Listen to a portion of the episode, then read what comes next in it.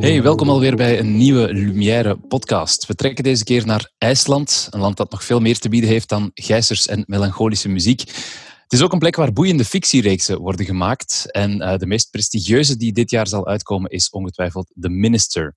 Het gaat over een IJslandse politicus, Benedict Rickardsson, die uh, premier wordt met een wel heel bijzondere belofte. 90% van de bevolking moet gaan stemmen, anders stapt hij niet in een regering. Dat bizarre experiment loopt goed af. Um, het volk stemt inderdaad massaal op Benedict. Maar wat ze niet weten is dat hij worstelt met een bipolaire stoornis en die begint hem steeds meer parten te spelen. Ik heb vandaag de eer en het genoegen om te spreken met de ster van de minister, Olafur Dari Olafsson. Een indrukwekkende man in alle betekenissen van het woord. Hij is bijna twee meter groot. Uh, regisseur Baltasar Kormakur omschreef hem ooit als uh, een berg aan een fjord. Maar hij heeft intussen ook een heel mooi cv bijeengefilmd. Um, hij was niet alleen te zien in de hitserie Trapped. Hij had ook rollen in de Amerikaanse uh, series zoals True Detective en films als Fantastic Beasts, The Crimes of Grindelwald. Benieuwd wat hij ons allemaal zal kunnen vertellen vandaag. Víða reykar hugurinn vökumönnum hjá. Nýjir heimar opnast þegar nóttin skellur á. Styggið ekki vökumenn sem stara í myrkrið. Moldin verður gegnsæ og myrkrið lýsir þeim. Hi, Darri. It's so great to meet you, although, uh, you know, virtually, but still very welcome to our podcast. Thank you. Thanks for having me. Where am I uh, calling you? Are you in, in Iceland right now? I'm in Iceland, yes. Middle of shooting the third season of Trapped. Fantastic. We're looking forward to that as well. We'll come back to that at the end of the podcast. But um, first of all, let's uh, talk a little bit about um, this series, The Minister. So, first of all, I'd like to hear about um, how the idea came about of you know a, a, politician who only wants to be prime minister if 90% of the population goes to vote. Is, is that something that was maybe inspired from something that came from the real situation in Iceland? I mean, the political climate in a way, or just a, an idea, a fiction? Well, um, that's that's a great question. I think um, he's idealistic in some ways and and also he's just um, i think he's like most of us really fed up with the arguments within politics the endless rows about stuff that we most of us don't even understand and in many cases don't matter at all. And in the past maybe 10 15 20 years there's been uh, such a huge increase in populism and uh, so you have um, all kinds of political parties and politicians that again and again sort of steal the attention and direct it towards themes that people are not educated about, but but fear a little bit. And you know, in our cases, it's been immigrants or refugees, or you know, uh, I think really important issues that have been sort of generalized to such an extent that it doesn't make any sense. And certain politicians have been able to hijack the conversation by playing on people's fears of you know things like refugees or immigrants and so on and so forth. Basically, what I'm saying is, I think that um, the minister, the main character in, in our show, is he wants to achieve great things, and I, he wants people to be on board with that. He he doesn't want to waste people's time on uh, debates about stuff that doesn't really matter, or debates about stuff that's is just popular to generalize about, or he even he even says it in the first episode, which I really like, is that he looks to the other people that are in the panel with him, and he says like ninety five percent of the people, no, of, of the things that we want to achieve, we agree on. It's only about 5% that we don't agree on on on the ways of how we want to achieve them. And i think that's really right. And yeah. and i think so much time and energy is wasted on these political parties and politicians that want to just distinguish themselves from the rest. Yeah. And maybe that's also a sign of our times that everyone wants to be you know really popular on instagram and really up there. No one really wants to do the work. They just want to be famous or you know. Right Um, what it also made me think of is maybe, um, you know, the, the economic crisis in 2008. Maybe in Iceland, didn't it kind of affect people's faith and trust in, in Icelandic politics? Because I remember people being in front of the parliament, you know, drumming the pots and pans to protest how the current political class was was fucking things up, basically. Do you think this is maybe also kind of a reaction to that climate? No, but absolutely and I, I, and and it's interesting. I mean, here in Iceland, there was a huge uproar. Uh, at least one government uh, that failed. There was one year where we had three governments that uh, two governments that failed, and now we're on the third one. That's they're they're about to finish their um, mandate next year. Uh, so maybe it's gone a little bit more quiet, but.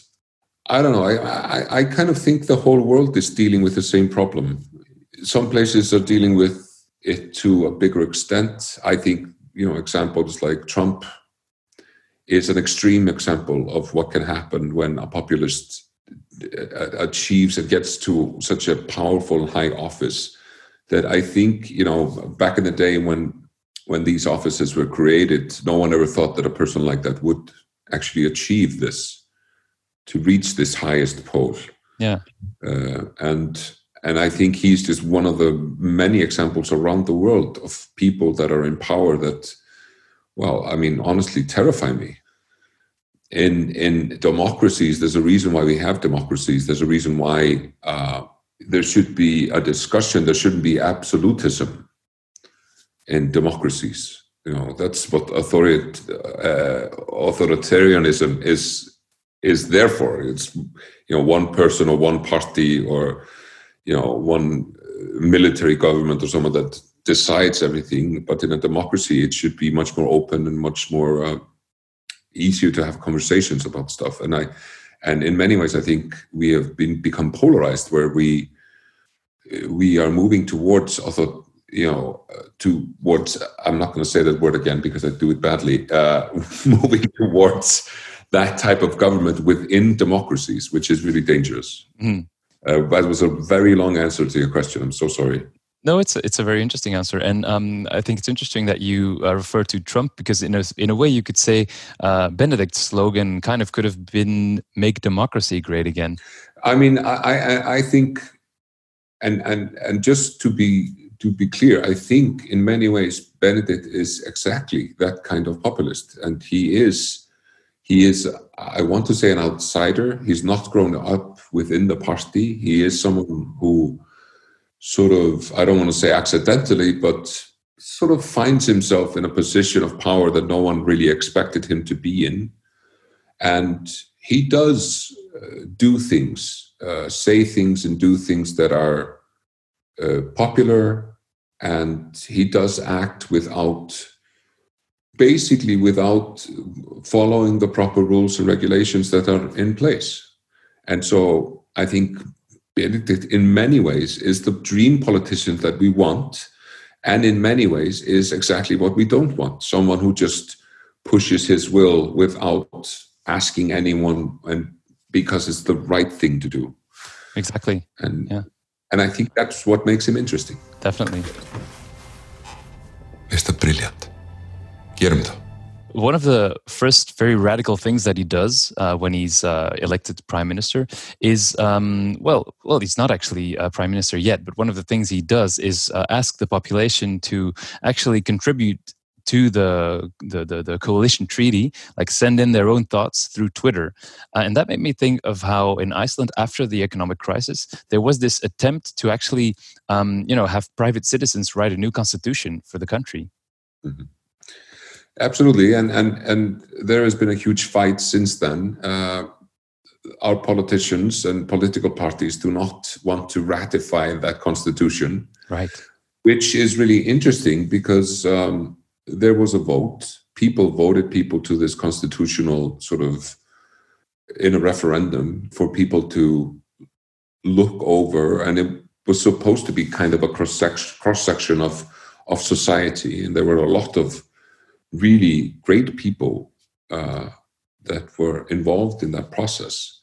And it's interesting that the political parties, and maybe not all of them, but most of them, and many of them, and many politicians have said that, ah, it's just, you know, that we don't have to, we should never go by that. We should never look at that stuff. But there are, there is definitely stuff in those uh, suggestions in those changes that I know that pe- people want. One great example is that in the new constitution, as people call it, there's a very clear um, article that says that you know the fish in the ocean, all the sort of natural resources are belong to the nation as a whole. Mm-hmm. Cannot belong to certain few people and their families and or political parties. That they cannot be in the hands of those people as, as something that they own. It's something they can rent or use if we want that. But so I think it's important to have that conversation at least.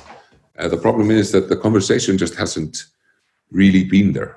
Yeah, and and does a series like this one in Iceland kind of spark that debate again? Do people talk about you know the series itself, of course, but then also about the the, the political context of it? I hope so. I mean, I, I, I there has been a huge uh, conversation in our society just now in the past maybe two or three four months where people are talking about the new constitution and and whether or not to enact that. And i think uh, it's really important to have like i said have that conversation. And i i hope the minister will at least be uh, helpful in that.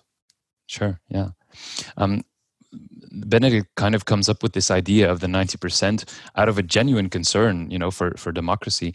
But it turns out to be a very effective political strategy as well. I mean, people, you know, all of a sudden they all talk about him and about his refreshing ideas. So do you expect maybe any real life politicians to mimic this kind of strategy to become like him? Uh, I don't know. I mean, I, I Benedikt is, of course, not based on any specific politician, but you know, politics, like we talked about before, politics have changed so much, so drastically. Uh, and I, I, think for myself, there are a lot of avenues that I think politicians haven't explored properly. Uh, one of them is apologizing. One of them is owning your mistakes. Uh, I think politicians far too seldomly do that. Uh, but it's interesting when you look at sort of general life, the people that have made mistakes and come out and said, you know, I really, you know, I fucked up. I, I shouldn't have done this or shouldn't have done that, and I did it because of this and that. Generally, I think those people are forgiven, and we do empathize with them, and we like, yeah. I mean, it's it's cool to be able to come out and say, well, I made a mistake. Uh, for far too long, I think politicians and politi- political parties have been focused on just pretending, pretend nothing happened or pretend someone else made the mistake. And I think maybe Benedikt is part of that. He does sort of admit that he has gone done wrong, uh, but then also he, as things evolve, he also, I think, in many ways becomes part of the problem with the system. You know, power corrupts, absolute power corrupts absolutely. Ja.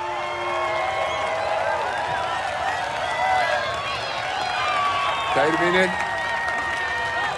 Kære venner. Um, did you get in touch with any actual politicians to prepare for the series? Maybe even with the actual Prime Minister of Iceland? I, I didn't. I mean, I know know a few politicians, but uh, I was always much more interested in the uh, you know his bipolarism and I also thought that, you know, I didn't really want to talk to many politicians because he is a rookie. He knows a lot about political history and he's very versed in Icelandic politics, but he's never really been part of the political machine.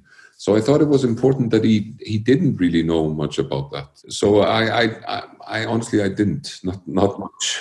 Yeah, he just had to be his own person and not mimic the typical yeah, but, but but I did look quite a bit at untypical politicians. Uh-huh.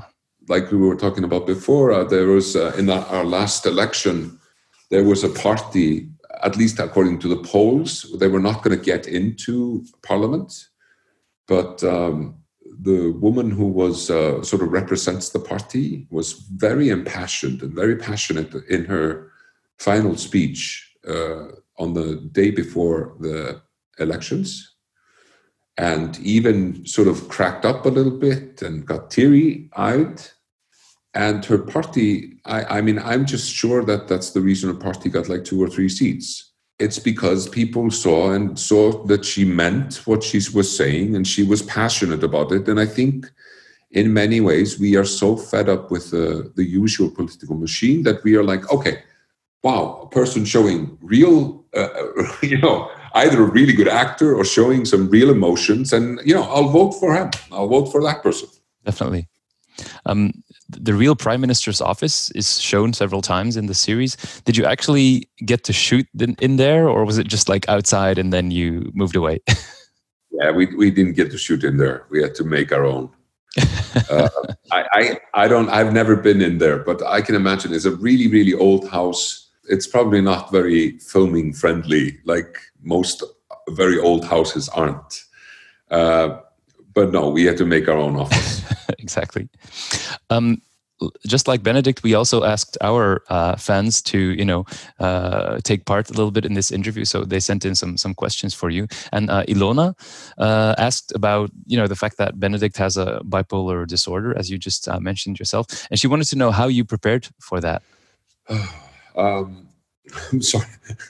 that, that, was not the question. Uh, that that was the, the big.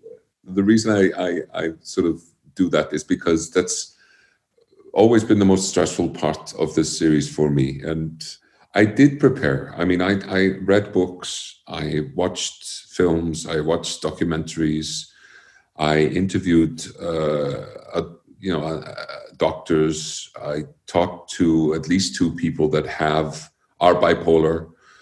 Um, so I tried to amass a certain amount of information about it. But then, as an actor, you always have to sort of then let go of your research and you just have to trust that you have, you know, a certain feeling for the character and what he's going through and just take the jump and, you know, jump off the edge and hope hopefully someone's there to catch you. Um, usually, it's the director's sort of um, role to be there and catch you. Uh, I'm a very big guy, and the directors aren't as big as me, so we'll see what happens. I hope I haven't crushed them. Uh, no, no, no. I, I, I, I, I really did try to do research, but you know, in the end, um, Benedikt, like all other people, no matter what, what they're dealing with, whatever disease they deal with, they are people, and as such, I try to approach them with uh, a sense of uh, humility and uh, love. And I have a lot of love for Benedikt. And w- with all that you've learned about bipolarism now, how would you describe living with that disorder? It's it's such a a, a weird disease. Uh, and when I say weird, I just it's so different for people. It can it can affect people in such different ways um, I just always remember I watched this um, wonderful documentary that Stephen Fry, uh, the British actor, made. Uh, he is bipolar, and he in that series he really delves into the the light parts of of what it is to suffer from that, and also from from the, the dark parts. And I think in many ways it's it's uh, you know I think it's a thin line between being a genius and, and, and suffering from something like this disease.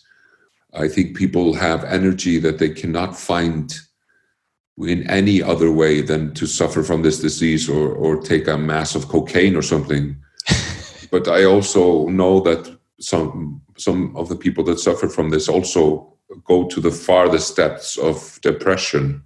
And you know, I'm I kind of I really hope that we get to make more of the minister because I know that in the future series, we would like to really delve into what it means for the depression when it hits and, and, and just to explore more sides of the disease. Um, how did you try to make sure that people who actually have a bipolar disorder wouldn't feel uh, stigmatized or caricatured by this series? Well, that's, I mean, uh, I, like I said before, I, I try to approach Benedikt and his disease with as much humility and, and just love and respect as I can. In the end, we are doing, uh, you know, this is a fictional tale. So, and it is for TV. So we are bound by some, you know, some of it has to be sensationalized. Some of it has to be, uh, some of it will be funny because, you know, some of the things that people get up to when they're in a mania is funny. Playing piano at five o'clock in the morning, or what was it? yeah, no, absolutely. And, and some of it will be shocking and some of it will be sad and depressing. Um, what I hope for the most for this series is that people that have experienced the disease or are part of families of people that have you know have this disease that they don't feel that we have sensationalized it that that we have been true to it, it as much as we can uh, but in the end it is part of our story mm. Could you talk about how the disorder is represented visually in the series? Because there's a few interesting ways of, you know, uh, representing his mental state throughout the series. And for, for, example, I'm thinking of the the dog Leo, who kind of yeah. comes and goes. Yeah, I mean, I love Leo. I think that's a brilliant idea. Uh, when you talk to the this, the great writers of this series, uh, Jonas and Björg and Birkir Blær, uh, the depth of uh, every every detail of the series was just so phenomenal. Uh, Leo, you know, the black dog is of course such a, a, a sort of physicalization of of depression. Uh, it's the depression has been called the black dog so often, and also Leo is there's this beautiful uh, old book here called Aðventa, which is um, by Gunnar Gunnarsson. It's really beautiful about a farmer who goes off uh, looking for sheep, and it's in the sort of as winter is hitting uh, the mountains. It's beautiful book, just basically about this man and his dog, and the writers had had this book in mind, and in that book, the dog is called Leo. So, and it's really gorgeous. Um, I think you know as we get further along and further into his disease, we will start seeing stuff in the in the way everything you know uh, the photography of the series, uh, the sound, the music.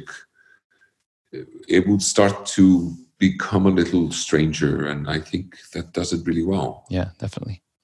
Um, you're also an executive producer on The Minister. Does that mean that you were more involved than uh, for your usual part? I mean, I, I, was quite heavily involved in sort of uh, working on the sort of final steps of the script. And in the end, you know, I was just, it just, I really wanted to be a bigger part of it. It's just a really exciting series. I think Saga Film, uh, who is our, the producing, uh, the production house here in Iceland, along with RÚV, uh, which is the national broadcaster, I think they really, I'm, I'm you know, I, th- I, think it's a really great thing that they decided to make this series. Uh, it's not a typical Scandi noir series. No, it's not. Uh, but I think, in many ways, at least for me, when I read the scripts at first, I was fell in love with the story of Benedikt, and then slowly I realized that the script is is a bigger representation of, of our times and is much more sort of bigger in scope than I thought it was. Because I really think that not only are we talking about this disease and and uh, the people around that, you know, his wife and, and his family, but also about what we talked about before populism, uh, the state of, of politics, and and it also does this great thing where you know we have an image of politicians but there we get to see politicians behind the curtain where they might disagree on camera and then they're good friends when the cameras get turned off. And i think that's pretty great. Exactly. Um, ben stiller has a cameo in the series. Uh, at a certain point he sends out a video message on twitter you know uh, concerning these uh, law proposals. Yeah. and he uh, once you know whaling band. Yeah. Uh, and i wanted to know if you were responsible for his participation because you guys know each other right? I mean uh, he, he, yes uh, we could we could say that. I mean i asked ben to do this and ben is such a great guy. I mean he has done stuff like this before. Uh, he had a small cameo role in the trip which is one of my favorite films and so I asked him, and I mean, I, I he's really busy, and I, I thought I was really expecting him to just say, "Well, Darri, you know, I'll do anything for you, but I don't have the time." But he immediately said, "Yes, I'll do it," and it, it's just fantastic. I mean, because it, I think it adds a layer which we we just needed someone who was who would be able to start like a trend, like a sort of get something off, going off Twitter that would be come trendy and being you know reposted again and again and again and again, retweeted, and um, and I think it was a huge asset for us to get Ben, and then also to get Rainn Wilson, and uh, they're both people that I worked with before, and and they both agreed to come and, and, and do this. Hi, I'm Ben Stiller. I love Iceland. I made a movie there. I've gone on vacation there. I love the people. I love the countryside. I love how democratic it is. In fact, it's so democratic that they've elected a prime minister who takes the most retweeted tweets and turns them into law with the hashtag Sáttmáli. One thing I have never liked about Iceland is the whaling. Nay. It's bad for the country, it's bad for, for tourism, it's bad for your reputation as Icelanders, and most of all, it's bad for the whale. So here's an idea for a policy Iceland, stop whaling. If we get enough retweets on that, you can turn it into a law. With Ben, you worked in uh, Zoolander 2 and then The Secret Life of Walter Mitty. So, would you say you're friends, or is it more like, well, you've met and you're in contact sometimes? Me and Ben are we're good friends. We, whenever we, we we can see each other, we we do. And um, I mean, I I owe so much to Ben. Like he he selected me for The Secret Life of Walter Mitty and to be honest, that opened up so many doors for me in the US. And I don't know why. I mean, uh, hopefully it's because I'm a nice guy that uh, we sort of we've we've we've kept in touch. Nice. Um, you actually were born in the United States. Uh, how how why was that, and and how long did you live there? Uh, my parents were in the states. My father's a doctor, and he was getting his doc. Uh, he was finishing his studies. Okay. Uh, and um, so I was born in Connecticut and lived there till I was about four. Right. But English kind of feels familiar to you and it feels maybe like a second language or something, or? You know, basically was my first language in many ways. Uh, my interaction with people was much more in English. And then when I came over to Iceland, there go, there's this story of, of me um, coming home and talking to the kids in my neighborhood and none of them understood me. And and then I just shut up for about a month. And after a month, I only spoke Icelandic, and wow. no one could get me to speak English. and uh, and that's how kids are. Kids can just like, okay, this is not working. I have to find another way, and then I'm doing this. But you know, luckily, it always stayed in the back of my mind. So English has always been pretty easy for me.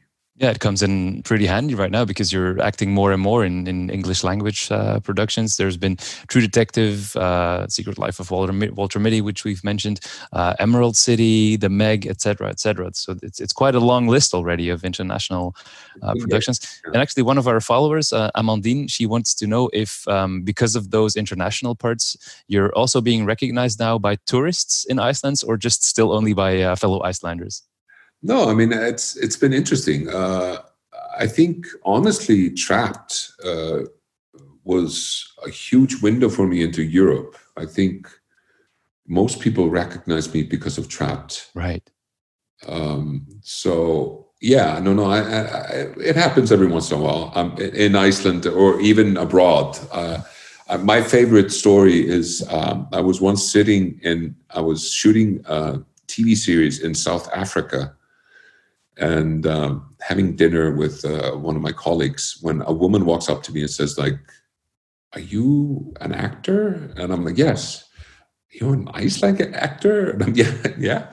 And so that was a woman from the philippines who had just the week before been watching trapped and met me in south africa. We met in south africa and I understood that she had sort of a hard time believing that that guy was here in South Africa. I can imagine. But um, that was really amazing. And it really shows Trapped has really traveled far. And um, and I would say in many ways, you know, i have been more recognized for my American work in the States, but in Europe, it's been Trapped yeah. first and foremost. Mm.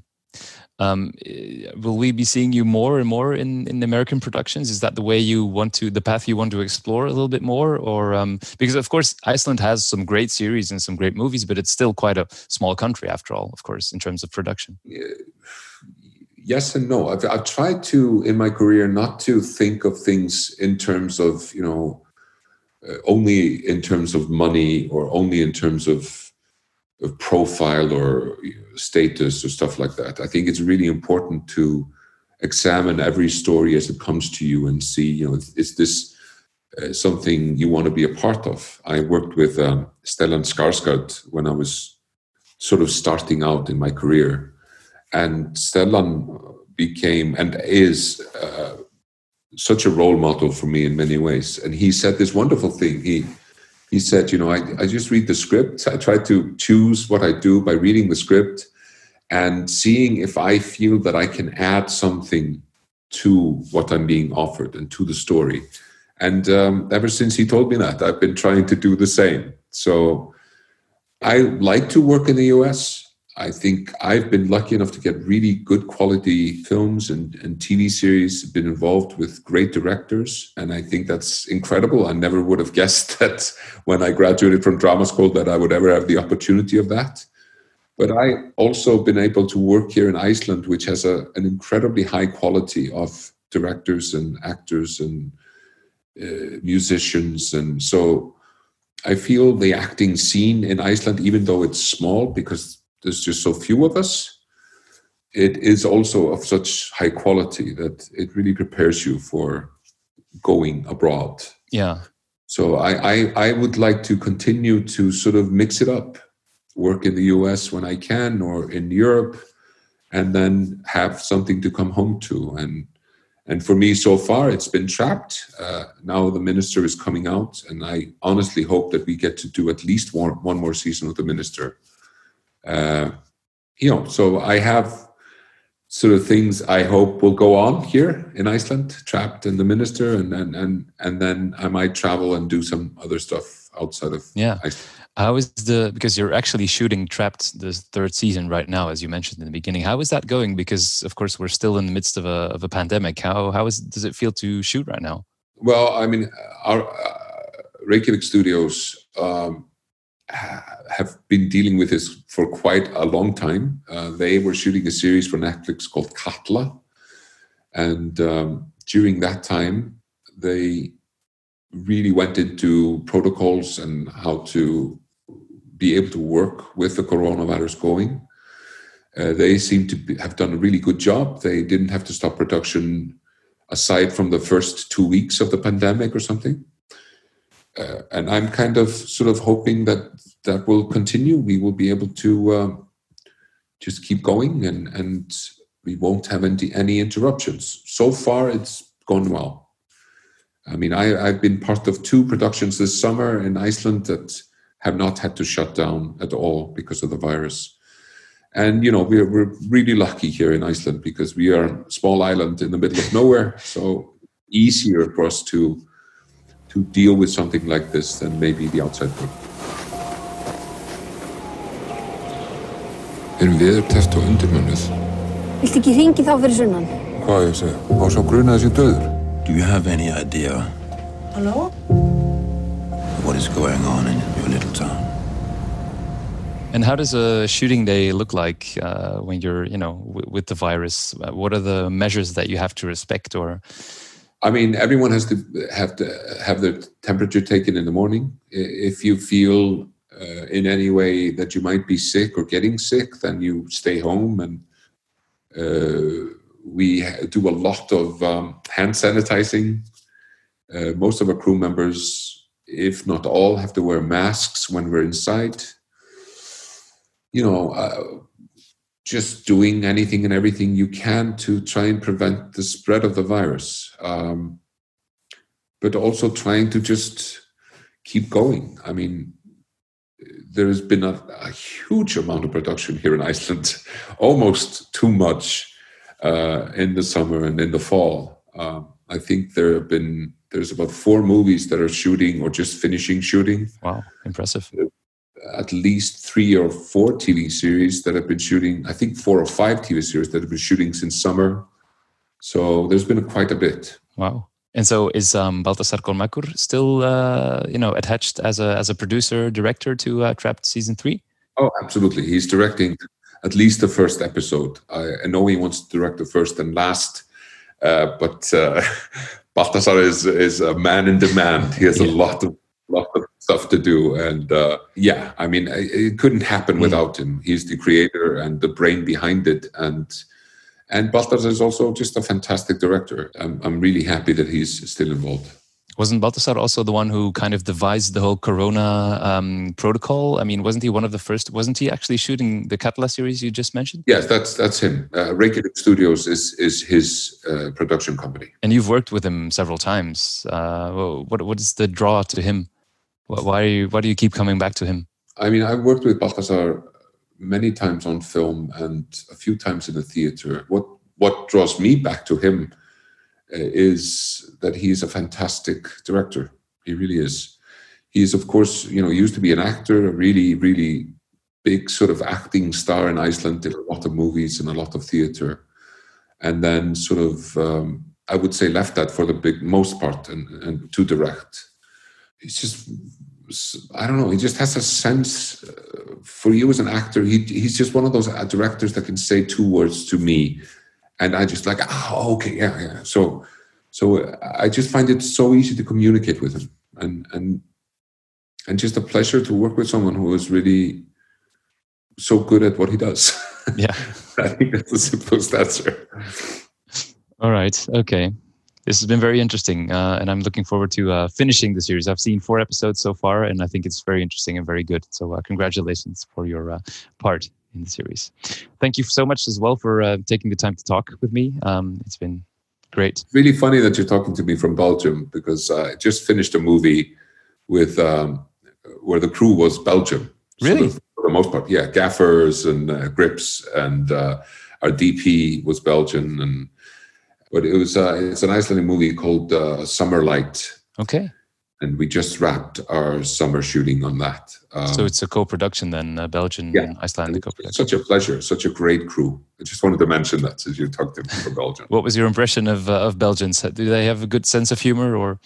Oh, absolutely, and and just and just very professional, uh, and and just really enjoyable uh, to work with them just a part. It was. It, it's interesting, you know, because it, it's always you. You travel around the world and and and you become part of a crew that's you know very often multinational, and it can be hard to f- make it fit easily.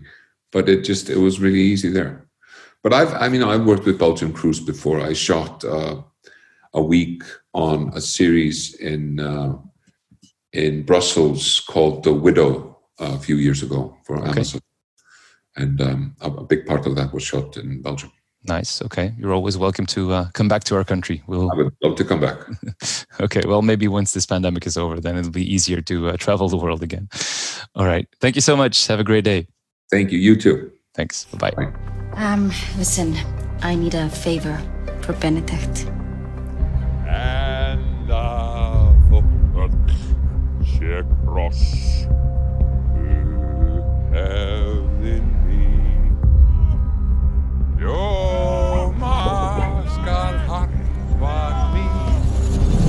Zo, deze podcast staat er weer helemaal op. The Minister kun je nu helemaal bekijken op lumiereseries.com. Veel kijkplezier en tot de volgende. Dag.